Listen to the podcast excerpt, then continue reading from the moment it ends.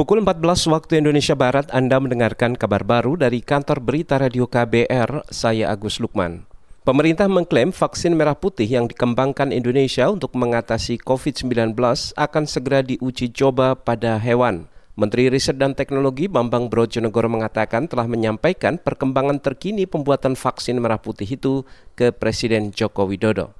Lembaga Ikman sudah memulai upaya pengembangan vaksin merah putih dengan platform protein rekombinan dan saat ini prosesnya sudah mencapai 50 persen dari tugas lembaga Ikman mengembangkan bibit vaksin itu di laboratorium, di mana targetnya akhir tahun ini uji pada hewan sudah bisa diselesaikan sehingga awal tahun depan sekitar bulan Januari lembaga Ikman bisa menyerahkan bibit vaksin tersebut kepada PT Bio Farma untuk kemudian dilakukan formulasi produksi dalam rangka uji klinis. Menteri Riset dan Teknologi Bambang Brojonegoro menambahkan, jika tidak ada kendala dan uji coba klinis hingga tahap 3 berhasil, maka ditargetkan vaksin merah putih bisa diproduksi massal di dalam negeri pada triwulan keempat tahun depan. Vaksin merah putih dikembangkan dari isolasi virus yang beredar di Indonesia – dengan begitu diharapkan lebih cocok dengan daya tahan tubuh masyarakat Indonesia terhadap serangan COVID-19.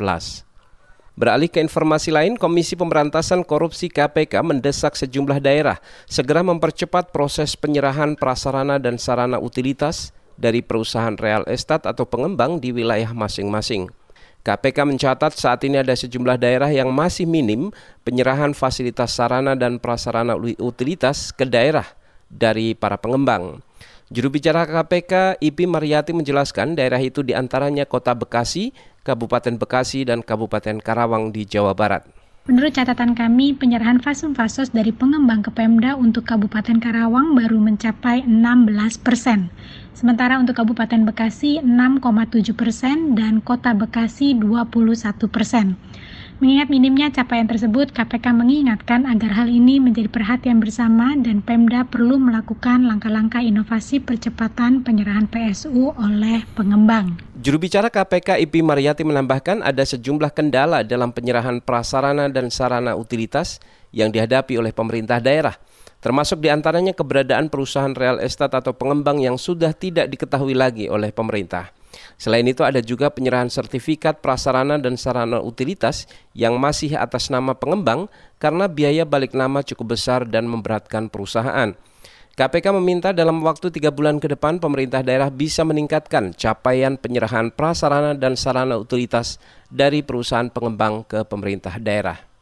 Kita ke mancanegara, saudara puluhan ribu orang di Pakistan menggelar aksi demonstrasi memprotes majalah satir asal Prancis Charlie Hebdo Majalah itu menerbitkan ulang kartun Nabi Muhammad.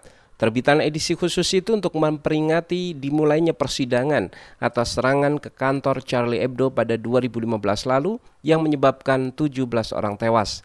Demonstrasi di Pakistan sudah terjadi sejak pekan lalu, namun kali ini digelar kembali dengan masa lebih besar. Aksi ini dimotori sejumlah partai Islam di Pakistan. Aksi protes sebelumnya juga terjadi di negara lain. Pada Selasa kemarin, pemimpin tertinggi Iran Ayatollah Ali Khamenei menyebut apa yang dilakukan majalah Charlie Hebdo adalah dosa yang tidak termaafkan. Demikian kabar baru dari KBR, saya Agus Lukman.